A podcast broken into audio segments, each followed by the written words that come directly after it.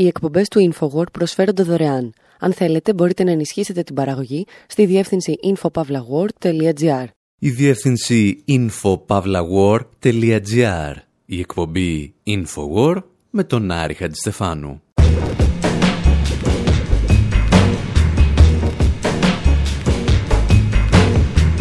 όπου σήμερα ξανασκεφτόμαστε εάν η εξωτερική πολιτική των Ηνωμένων Πολιτειών μπορεί να χωρέσει σε μια τηλεοπτική σειρά και προσπαθούμε να το εξηγήσουμε χωρίς να σας προδώσουμε το τέλος. Της σειράς, όχι της εξωτερικής πολιτικής. Ακούμε τον βετεράνο δημοσιογράφο Σίμορ Χέρς να αποδεικνύει ότι η Συρία δεν χρησιμοποίησε χημικά όπλα, ενώ παρακολουθούμε τον Ντόναλτ Τραμπ και τον Κέβιν Σπέισι να υποστηρίζουν το αντίθετο. Βλέπουμε πως το αμερικανικό κατεστημένο των μίντια προσπαθεί να εξαφανίσει ίσως τον σημαντικότερο εν ζωή δημοσιογράφο του 20ου και του 21ου αιώνα και εμπολής το καταφέρνει.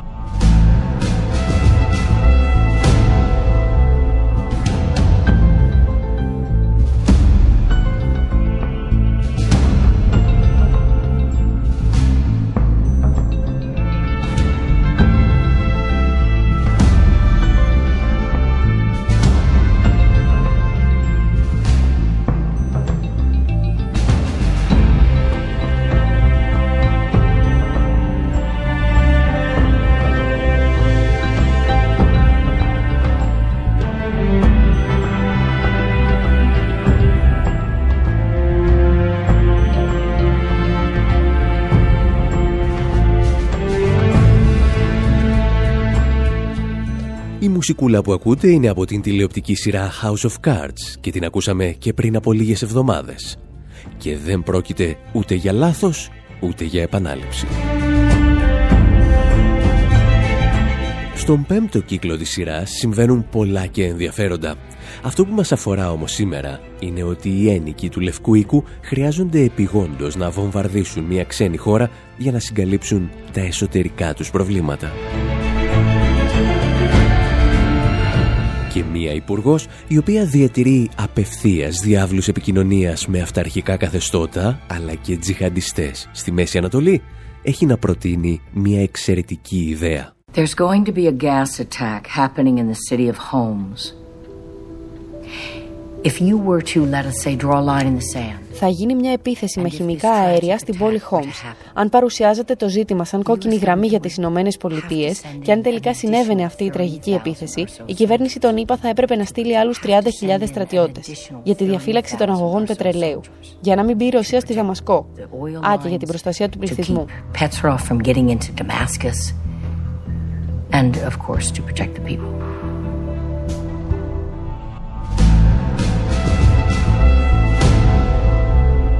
Ο πρόεδρος και η αντιπρόεδρος των Ηνωμένων Πολιτειών δεν πρόκειται φυσικά να χάσουν μια τέτοια ευκαιρία.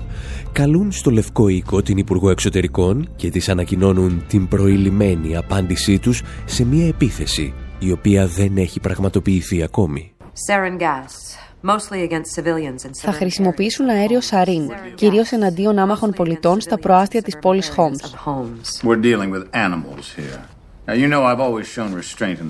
Έχουμε να κάνουμε με ζώα. Επέδειξα εγκράτεια κατά το παρελθόν, αλλά όχι πια. Θα εκδώσω εκτελεστικό διάταγμα για την ανάληψη στρατιωτικής δράση. Αεροπορικές επιθέσεις και συνέχεια στρατός ξηράς. Πρέπει να το παρουσιάσει στον ΟΗΕ.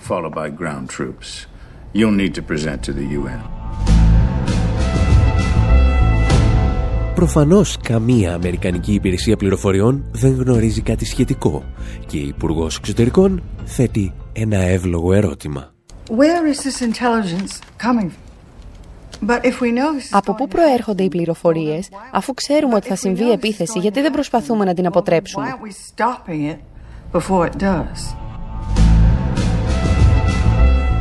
Στην αίθουσα επικρατεί σιωπή. Ο πρόεδρος και η αντιπρόεδρος δεν έχουν να δώσουν μία απάντηση στο γιατί δεν κάνουν κάτι για να αποτρέψουν μία επίθεση για την οποία κανένας άλλος δεν γνωρίζει το παραμικρό. Το μόνο που μπορούν να πούν είναι ότι εάν η Υπουργός Εξωτερικών δεν φέρει το θέμα στα Ηνωμένα Έθνη, θα πάψει σύντομα να είναι Υπουργός Εξωτερικών. Και αυτή, ύστερα από μερικά δευτερόλεπτα σιωπής, συνενεί.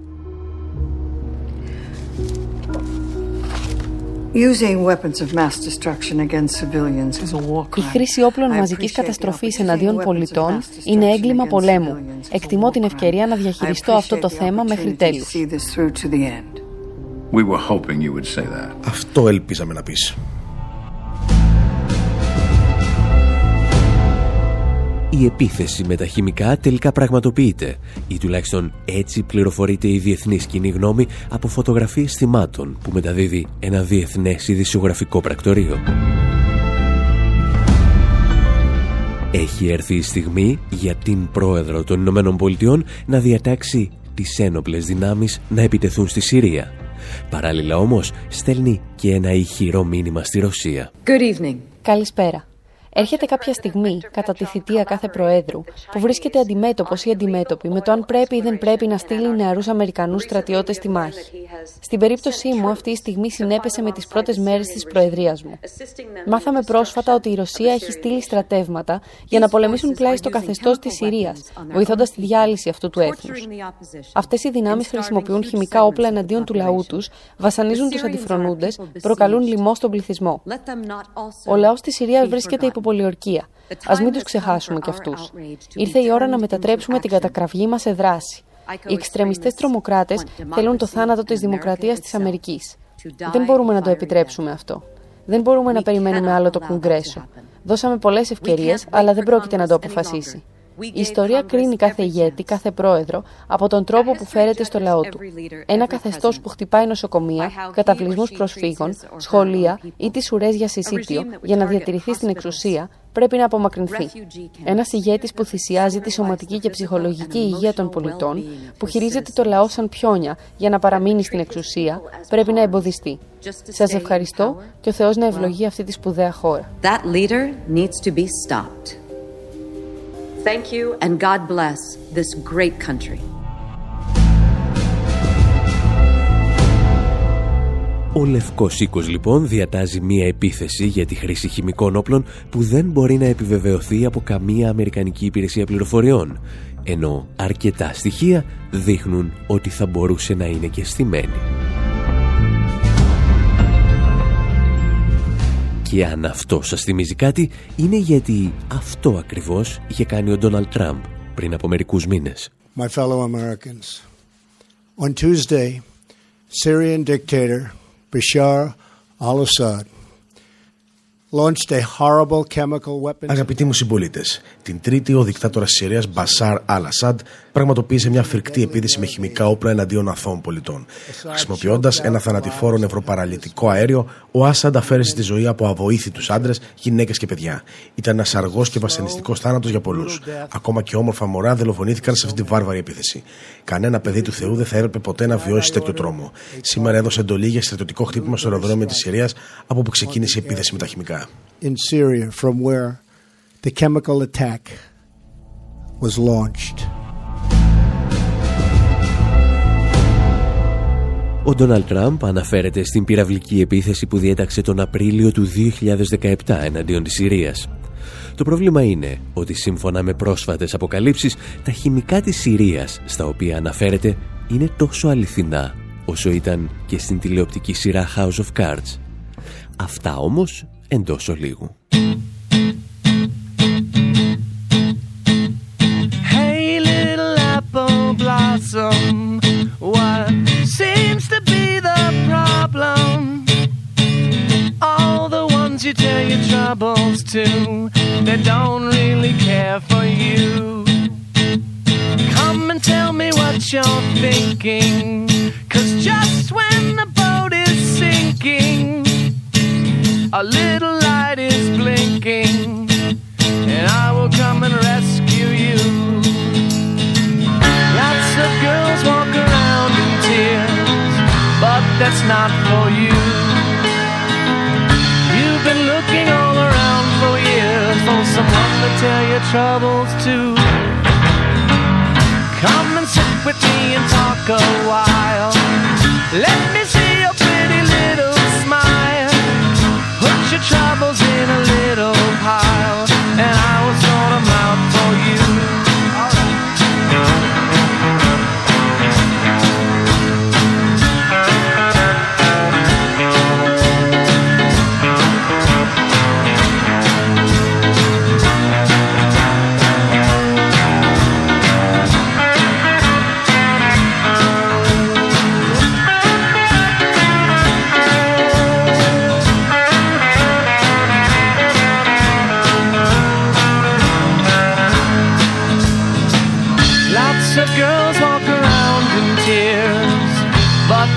not for you.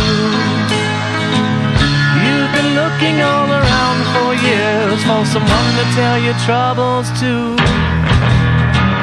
Come and sit with me and talk a while. Let me see your pretty little smile. Put your troubles in a little. Στην εκπομπή Infowar με τον Άρη Χατζηστεφάνου αναρωτιόμαστε και πάλι εάν η τηλεοπτική σειρά House of Cards είναι βγαλμένη από τη ζωή ή η ζωή μας είναι βγαλμένη από την τηλεοπτική σειρά. Πριν από μερικές ημέρες, ο βετεράνος δημοσιογράφος Σίμουρ Χέρς ολοκλήρωσε μία έρευνα μηνών για το τι ακριβώς συνέβη εκείνες τις ημέρες του Απριλίου του 2017 όταν ο Αμερικανός πρόεδρος διέταξε το βομβαρδισμό της Συρίας. Ο Σίμουρ Χέρς, εάν δεν τον γνωρίζετε, είναι ίσως ο σημαντικότερος εν ζωή δημοσιογράφος του 20ου και του 21ου αιώνα. Άρχισε να αποκαλύπτει σκάνδαλα από την εποχή του πολέμου του Βιετνάμ και δεν σταμάτησε ποτέ. Αντίθετα, τα αμερικανικά μέσα ενημέρωσης σταμάτησαν να δημοσιεύουν τις αποκαλύψεις του, οι οποίες απειλούσαν το βαθύ κράτος στην Ουάσιγκτον. Και έτσι, ο Σίμουρ Χέρς άρχισε να δημοσιεύει σε ευρωπαϊκά μέσα ενημέρωσης. Στην τελευταία έρευνα του υποστηρίζει πως όταν ο Τραμπ διέταξε την πυραυλική επίθεση στη Συρία δεν υπήρχε ούτε ένας Αμερικανός αξιωματούχος που να μπορούσε να βεβαιώσει ότι οι δυνάμεις του Ασάντ είχαν χρησιμοποιήσει χημικά. Τα εξηγούσε ο ίδιος ο Σίμουρ Χέρς μιλώντας στο Real News Network. We know nothing about what really happened because no independent unit has been has no στην πραγματικότητα δεν έχουμε ιδέα τι συνέβη γιατί καμία ανεξάρτητη αρχή όπως ο ΙΕ δεν μπόρεσε να προσεγγίσει την περιοχή. Είναι πολύ επικίνδυνο και μπορεί να σου πάρουν το κεφάλι. Μιλάω κυριολεκτικά. Προσωπικά λοιπόν δεν έχω ιδέα τι συνέβη. Η άλλη πλευρά ισχυρίστηκε ότι χρησιμοποίησε αέριο σαρίν. Είναι πιθανό να το χρησιμοποίησαν κάποιες τοπικές ομάδες. Η βόμβα όμως που έπεσε από τις Συριακέ δυνάμεις δεν περιείχε σαρίν. Το μόνο που ήθελε να πετύχει η Συρία εκείνη την ημέρα ήταν να χτυπήσει μια συνάντηση με ηγέτες τοπικών ομάδων τζιχαντιστών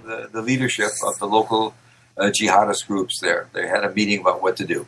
The issue of my story is not to try and explain what happened, but to explain what did not happen. What did not happen. Το ζητούμενο για εμένα δεν είναι να εξηγήσουμε τι συνέβη, αλλά τι δεν συνέβη. Και αυτό που δεν συνέβη είναι ότι η Συρία έριξε μια βόμβα με σαρίν. Αυτό το γνωρίζουν όλοι οι επιτελείς και είμαι απόλυτος. Ο Τραμπ ενημερώθηκε μια ημέρα πριν διατάξει την επίθεση. Του είπαν ότι δεν υπήρχαν στοιχεία που να στηρίζουν αυτό που ήθελε να πιστέψει.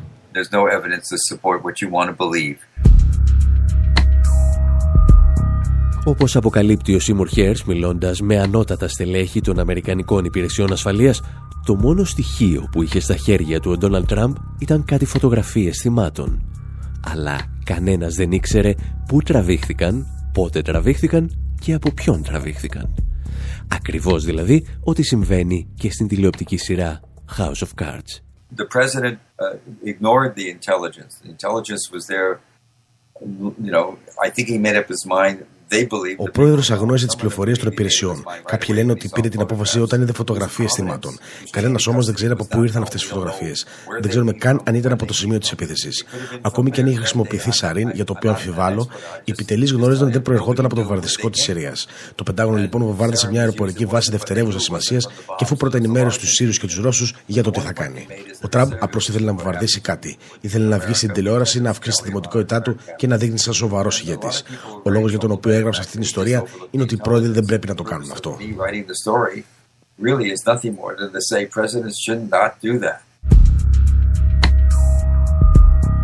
Ο Σίμουρ Χέρς λοιπόν υποστηρίζει ότι ο Ντόναλτ Τραμπ βομβάρδισε τον Απρίλιο τη Συρία μόνο για το Θεαθήνε, το οποίο κρίνοντας εκ του αποτελέσματος είναι απόλυτα σωστό.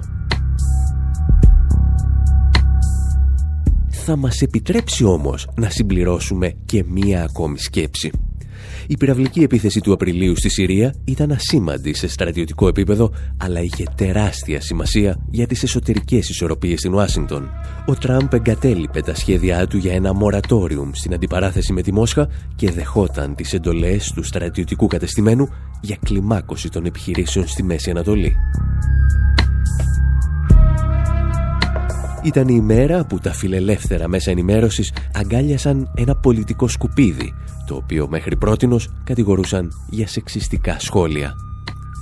Γιατί, ως γνωστόν, η οργή απέναντι σε σεξιστικά σχόλια είναι μερικές φορές ο φερετζές που κρύβει τα πιο στιγερά πολιτικά, κοινωνικά και οικονομικά εγκλήματα.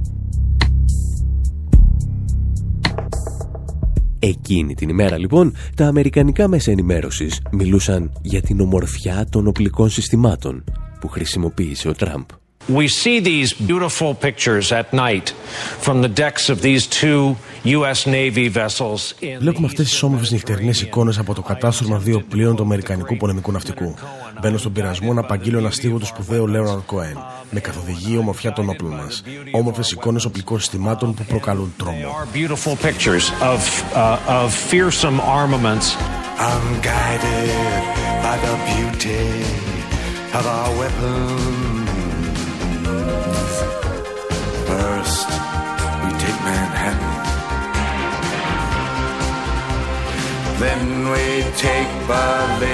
Εσείς πάντως μένετε εδώ, γιατί καθώς ο Λευκός Οίκος ετοιμάζεται και πάλι να χρησιμοποιήσει το χαρτί των χημικών όπλων για να κλιμακώσει τις επιθέσεις του στη Συρία και μέσω αυτής στη Ρωσία, εμείς θυμόμαστε την ιστορία των χημικών όπλων.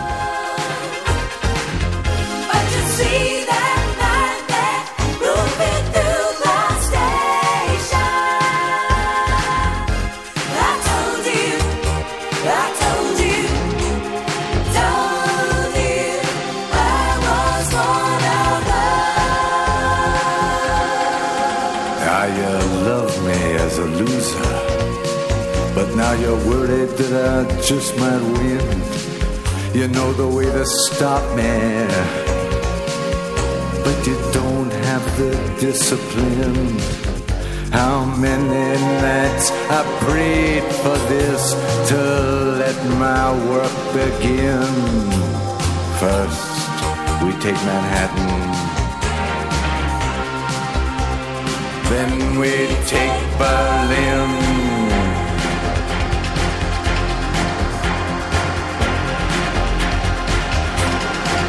Don't like your fashion business, mister. And I don't like these drugs that keep you thin. I don't like what happened to my sister. First, we take Manhattan.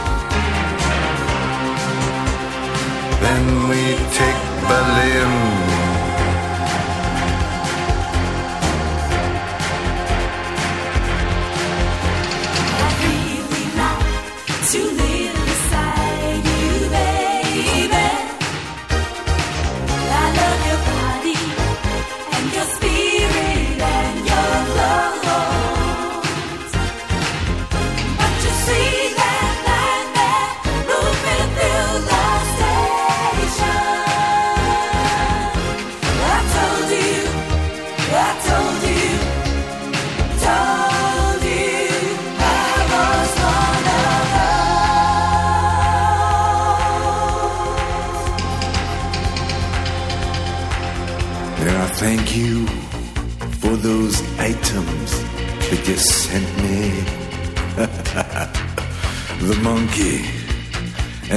Plywood violin.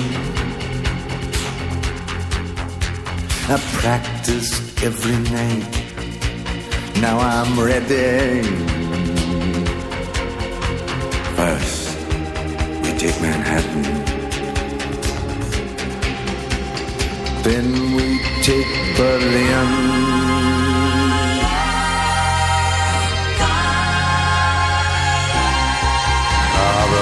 Remember me. I used to live for music. Remember me. I brought your groceries in. Well, it's Father's Day, and everybody's wounded. First, we take Manhattan. Then we take Berlin.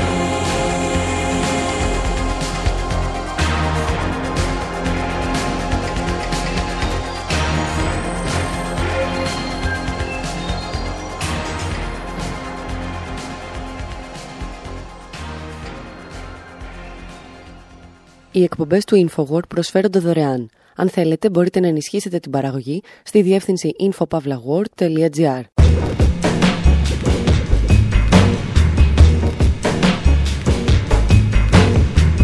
Εκπομπής Infowar συνέχεια, όπου αφού συζητήσαμε για πράκτορες και κατσαπλιάδες μεγάλων δυνάμεων, σκεφτόμαστε να αφιερώσουμε λίγο χρόνο και στο πρόσχημα της επερχόμενης αμερικανικής επέμβασης στη Συρία, τα χημικά όπλα. Ενοχλούμαστε από την άποψη ορισμένων ότι τα χημικά όπλα είναι τα όπλα των φτωχών και πως μόνο τριτοκοσμικοί ηγέτες τα χρησιμοποιούν εναντίον του πληθυσμού τους. Υποψιαζόμαστε ότι ακόμη και αν κάποιος υπέθεται ότι το καθεστώς Ασάντ χρησιμοποίησε χημικά όπλα, κάτι για το οποίο δεν υπάρχει παραμικρή απόδειξη, εμείς οι δυτικοί είμαστε οι τελευταίοι που θα μπορούσαμε να του ζητήσουμε το λόγο.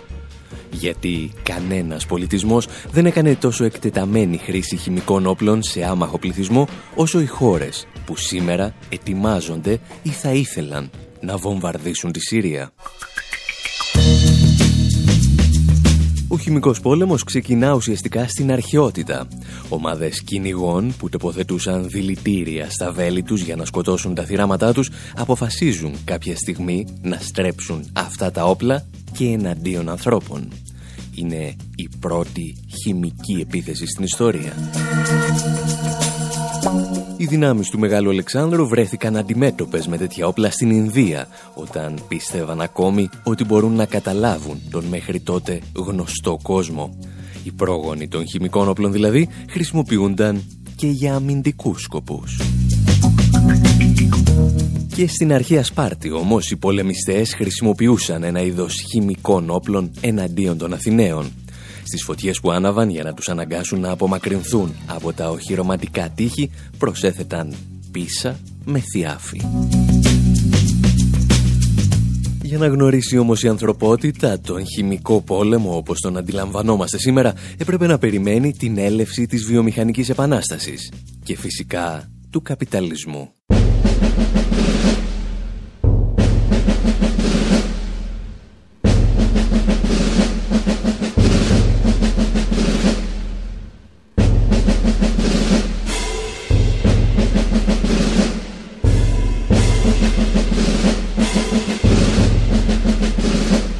Πρώτος παγκόσμιος πόλεμος μετατρέπεται σε ένα γιγαντιαίο πειραματικό εργαστήριο, όπου τα επιτεύγματα της μηχανικής και της χημείας χρησιμοποιούνται απέναντι σε άμαχους, αλλά και ανυποψία στρατιώτες. Στρατιώτες οι οποίοι πηγαίνουν με το χαμόγελο στα χείλη σε σχηματισμούς μαχών του 19ου αιώνα για να τους αποδεκατήσουν με όπλα του 20ου αιώνα.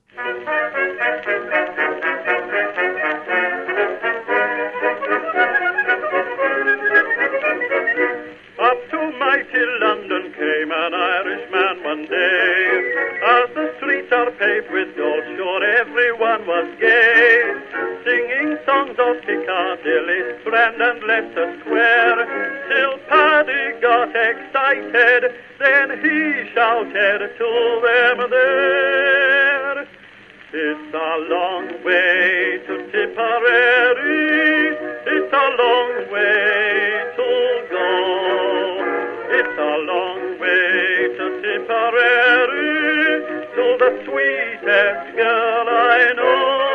Από τις τάχτες του Πρώτου Παγκόσμιου Πολέμου θα ξεπηδήσουν και ορισμένοι από τους μεγαλύτερους εγκληματίες πολέμου που γνώρισε η ανθρωπότητα, όπως ο Winston Churchill.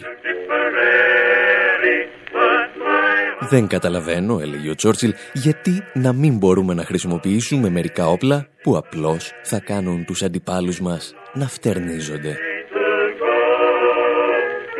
Το πρόβλημα ήταν ότι αυτό που ο τότε υπουργός πολέμου της Βρετανικής Αυτοκρατορίας αποκαλούσε φτέρνισμα, συνήθως ισοδυναμούσε με φρικτό θάνατο. Ο Βρετανός εγκληματίας πολέμου είχε την ευκαιρία να δοκιμάσει τα χημικά όπλα της Μεγάλης Βρετανίας όταν οι δυτικές δυνάμεις εισέβαλαν στη Σοβιετική Ένωση το 1919 για να καταστήλουν τη Ρωσική Επανάσταση. Αν θυμάστε, ήταν η εποχή που στείλαμε και εμείς περίπου 23.000 στρατιώτες υπό τις διαταγές του βαβαρού στρατηγού Κωνσταντίνου Νίδερ, ο οποίος στη συνέχεια έγινε και δεξί χέρι του δικτάτορα Θεόδωρου Πάγκαλου. Για να επιστρέψουμε όμως στην ιστορία μας, ο Τσόρτσιλ, που το 1919 ήταν υπουργός πολέμου, γιατί οι κυβερνήσεις ήταν τότε σοβαρές και δεν ονόμαζαν τα υπουργεία Υπουργεία Άμυνας, αποφάσισε να χρησιμοποιήσει ένα αέριο που είχαν αναπτύξει οι Ηνωμένες Πολιτείες για τον Πρώτο Παγκόσμιο Πόλεμο. Και το όνομα αυτού διφενιλοαμινοχλωροαρσίνη, που αν δεν σας πειράζει, στο εξής θα την ονομάζουμε απλώς DM. Ο Τσόρτσιλ θα στείλει 50.000 βλήματα με DM στη Ρωσία και θα αρχίσει να βομβαρδίζει χωριά που βρίσκονταν υπό τον έλεγχο των Πολσεβίκων. Τα θύματα άρχιζαν να ξερνούν αίμα και ύστερα από λίγα λεπτά έπεφταν ανέστητα στο έδαφος. Συνολικά πάντως τα αποτελέσματα ήταν αποκαρδιωτικά και έτσι τα Βρετανικά στρατεύματα ύστερα από δύο μήνες συνεχούς ρήψης χημικών αποφάσισαν να εγκαταλείψουν τη συγκεκριμένη μέθοδο. Οι δυτικές δυνάμεις όμως δεν θα εγκαταλείψουν ποτέ τους χημικούς πολέμους. Ήταν μάλιστα τόσο εντυπωσιασμένες που αρκετές σκέφτηκαν να αρχίσουν να βομβαρδίζουν και τους δικούς τους πληθυσμούς. Θα τα δούμε ύστερα από ένα μικρό διάλειμμα.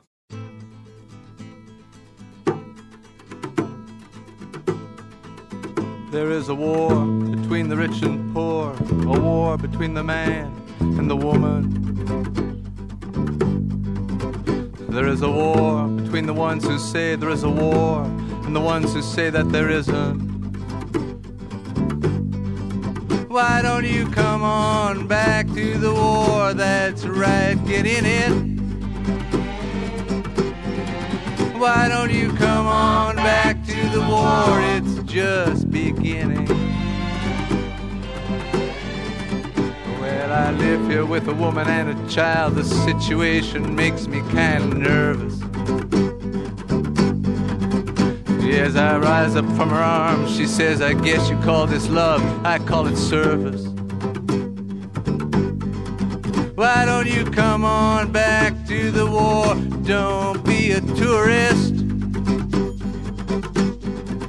Why don't you come on back to the war before it hurts us? Why don't you come on back to the war? Let's all get nervous. Cannot stand what I become. You much prefer the gentleman I was before. I was so easy to defeat. I was so easy to control. I didn't even know there was a war. Why don't you come on back to the war? Don't be embarrassed. Why don't you come on back to the war? You Στην εκπομπή Infowar με τον Άρη Χατζηστεφάνου υποστηρίζουμε ότι τα χημικά όπλα δεν υπήρξαν ποτέ τα όπλα των φτωχών, όπως παρουσιάζονται συχνά, αλλά το αγαπημένο παιχνίδι των βιομηχανικά ανεπτυγμένων χωρών. Και αυτές οι χώρες ήταν και οι πρώτες που κατάλαβαν ότι μπορούν να κηρύξουν χημικό πόλεμο στους δικούς τους πολίτες. Στις αρχές της δεκαετίας του 30, οι Ηνωμένες Πολιτείες θα πάρουν και πάλι το DM που χρησιμοποίησε ο Τσόρτσιλ εναντίον των Πολσεβίκων και θα το στρέψουν εναντίον Αμερικανών πολιτών, του λεγόμενου Bonus Army. Σας είχαμε διηγηθεί και παλαιότερα την ιστορία του Bonus Army, αλλά υποπτευόμαστε ότι χρειάζεστε να ξεσκονίσετε λίγο τη μνήμη σας.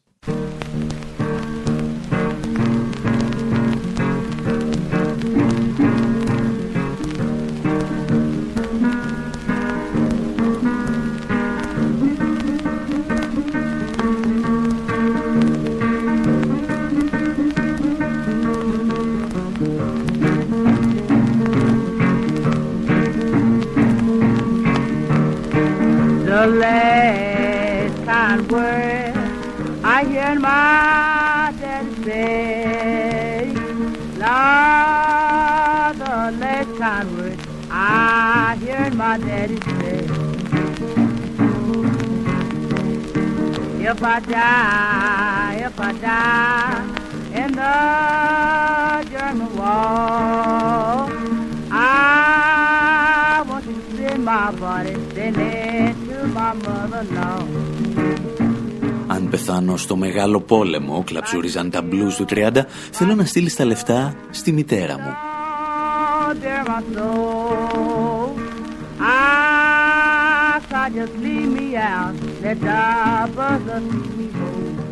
Δεκάδες δημιουργοί των blues τραγουδούσαν για το Bonus Army, το στρατό του επιδόματος. Τραγουδούσαν για τους Αμερικανούς βετεράνους του Πρώτου Παγκοσμίου Πολέμου, οι οποίοι κατέβαιναν στην Ουάσιγκτον και κύκλωναν ένα μετά το άλλο τα κυβερνητικά κτίρια. When I get my bonus, say what I'm gonna do. Get me another woman and quit fooling around with you. You can't spend my money or you don't treat me right. So I wish your boyfriend come in high as a kite. So when I get my bonus, I'm sure gonna have my fun. Μετά το τέλος του πολέμου, η Αμερικανική κυβέρνηση είχε υποσχεθεί ότι θα έδινε στους στρατιώτες της ένα δολάριο για κάθε ημέρα που υπηρέτησαν σε αμερικανικό έδαφος και ένα δολάριο και 25 cents για κάθε ημέρα υπηρεσίας εκτός συνόρων.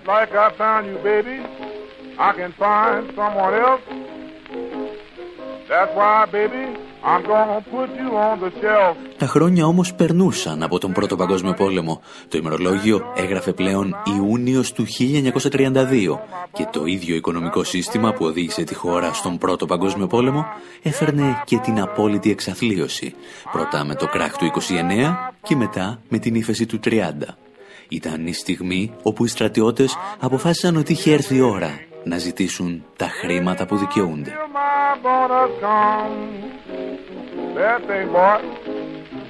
Τουλάχιστον 43.000 βετεράνοι του πολέμου καταφτάνουν στις 17 Ιουνίου του 1932 στην Ουάσιντον και κατευθύνονται προς την πλατεία του Καπιτολίου όπου κατασκηνώνουν. Μια κίνηση που ακόμη και σήμερα εξακολουθεί να εξοργίζει αυταρχικά καθεστώτα σε ολόκληρο τον πλανήτη.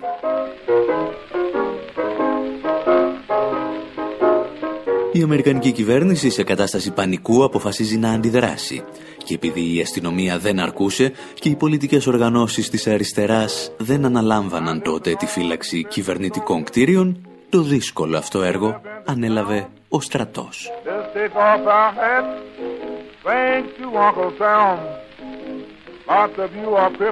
Ο πρόεδρος Χούβερ στέλνει άρματα μάχης και υπηκό στην καρδιά της Ουάσιγκτον για να κάψουν τις σκηνές των διαδηλωτών.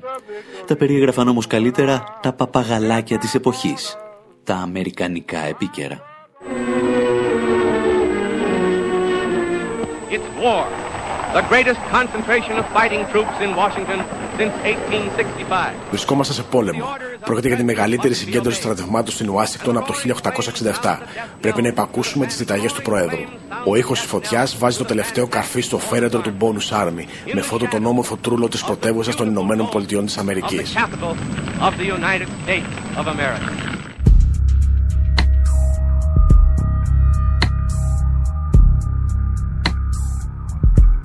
Ένας από τους δημοσιογράφους εκείνης της εποχής που δεν αναπαρήγαγαν την κυβερνητική γραμμή ήταν και ο Λέμεντ Χάρις. Αρκετές δεκαετίες αργότερα εξηγούσε πώς ο στρατός χρησιμοποίησε χημικά εναντίον των βετεράνων που είχαν πολεμήσει στον πρώτο χημικό πόλεμο της ιστορίας. I knew something was going to happen, that they might be attacked. And uh, I had a press card Ήξερα ότι κάτι θα συνέβαινε, ότι θα δέχονταν επίθεση. Εγώ είχα δημοσιογραφική ταυτότητα και κατάφερα να περάσω τη γραμμή της αστυνομίας. Και τότε είδα τους στρατιώτες να προελάβουν προς τις σκηνές. Ένας άντρας σηκώθηκε και φώναξε: Κρατήστε όσο αντέχετε, αλλά ο στρατός άρχισε να χρησιμοποιεί δακρυγόνα. Δεν είχα ξαναδεί κάτι παρόμοιο στη ζωή μου. Με αυτόν τον τρόπο ο στρατός προχώρησε και έκαψε τις σκηνές και όλα τα υπάρχοντα των ανθρώπων που βρίσκονταν εκεί.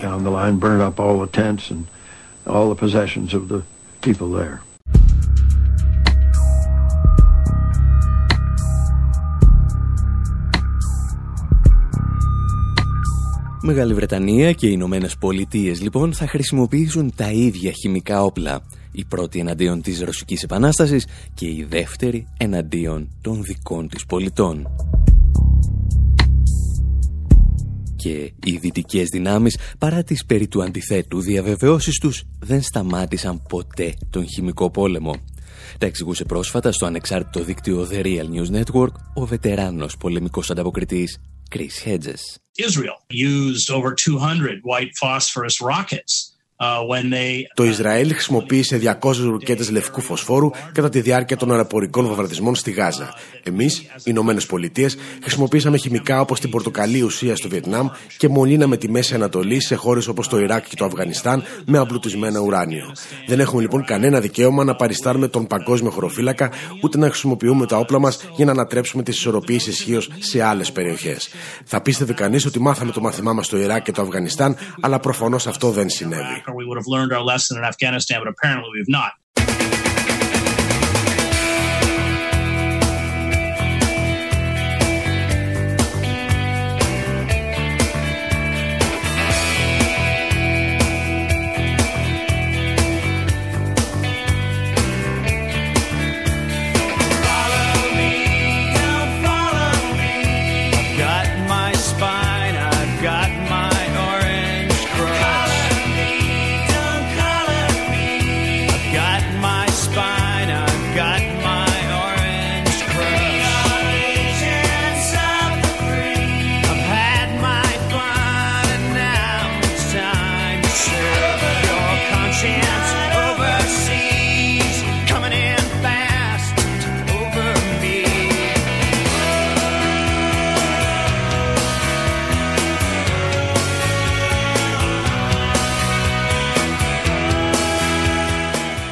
R.E.M. που ακούτε τραγουδούν για τον χημικό πόλεμο των Ηνωμένων Πολιτειών στο Βιετνάμ και συγκεκριμένα για τη διαβόητη πορτοκαλί ουσία που παρασκεύαζε η εταιρεία Monsanto πριν ασχοληθεί με τα τρόφιμα Frankenstein. Οι μεγάλες δυνάμεις θα συνεχίσουν για δεκαετίες να χρησιμοποιούν τα χημικά τους όπλα σε ολόκληρο τον κόσμο. Τα τελευταία χρόνια όμως τα ίδια όπλα αποκτούν και μια διαφορετική χρήση. Αφού αναθέσεις τις πολεμικές ή τις χημικές βιομηχανίες σου να πουλήσουν τα συστατικά χημικών όπλων σε αυταρχικά καθεστώτα, όπως έκανε η Βρετανία με τη Συρία, στη συνέχεια έρχεσαι να βομβαρδίσεις αυτές τις χώρες με το πρόσχημα ότι τα χρησιμοποίησαν, ακόμη και αν δεν υπάρχει καμία απόδειξη ότι το έκαναν. Ο Chris Hedges μας εξηγούσε και πάλι τι ακριβώς έχει συμβεί. It's kind of selective enforcement. Uh, Πρόκειται για επιλεκτική εφαρμογή, όπως συμβαίνει στην περίπτωση του Ισραήλ, στο οποίο επιτρέπουμε να χρησιμοποιεί λευκό φόσφορο. Έχω βρεθεί σε περιοχές που δέχτηκαν επίθεση με λευκό φόσφορο. Το χρησιμοποιούσε ο στρατός του Σαλβαδόρ. Όταν πέφτει στο σώμα σου, το διαπερνά. Δεν υπάρχει τίποτα που να μπορεί να το σταματήσει. Δημιουργεί αυλάκια καθώς καίει το ανθρώπινο σώμα. Εξίσου συνένοχοι ήμασταν και στην περίπτωση του Σαντάμ Χουσέιν, όταν αυτός χρησιμοποιούσε χημικά όπλα στον πόλεμο του Ιράν-Ιράκ. Του προσφέραμε δορυφορικές φωτογραφίες για να εντοπίσει τους στόχους του και μείναμε αμέτωχοι όταν έριχνε χημικά σε περιοχές όπως η Χαλάψα. Οι άνθρωποι στη Μέση Ανατολή τα γνωρίζουν αυτά και καταλαβαίνουν ότι κινούμαστε με δύο μέτρα και δύο σταθμά. Όταν χρησιμοποιούν χημικά οι σύμμαχοί μας, τα αγνοούμε και αυτό κάναμε όταν ο Σαντάμ Χουσέιν ήταν σύμμαχός μας. Όταν τα χρησιμοποιούν οι Ισραηλινοί, επίσης το αγνοούμε. Και όταν υποτίθεται ότι συμβαίνει στη Συρία, τότε αντιδρούμε.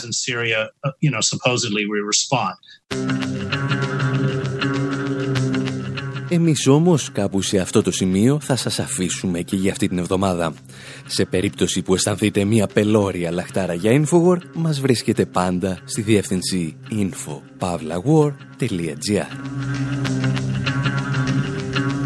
Μέχρι την επόμενη εβδομάδα, από τον Άρη Χατζηστεφάνου στο μικρόφωνο και τον Δημήτρη Σαθόπουλο στην τεχνική επιμέλεια, γεια σας και χαρά σας.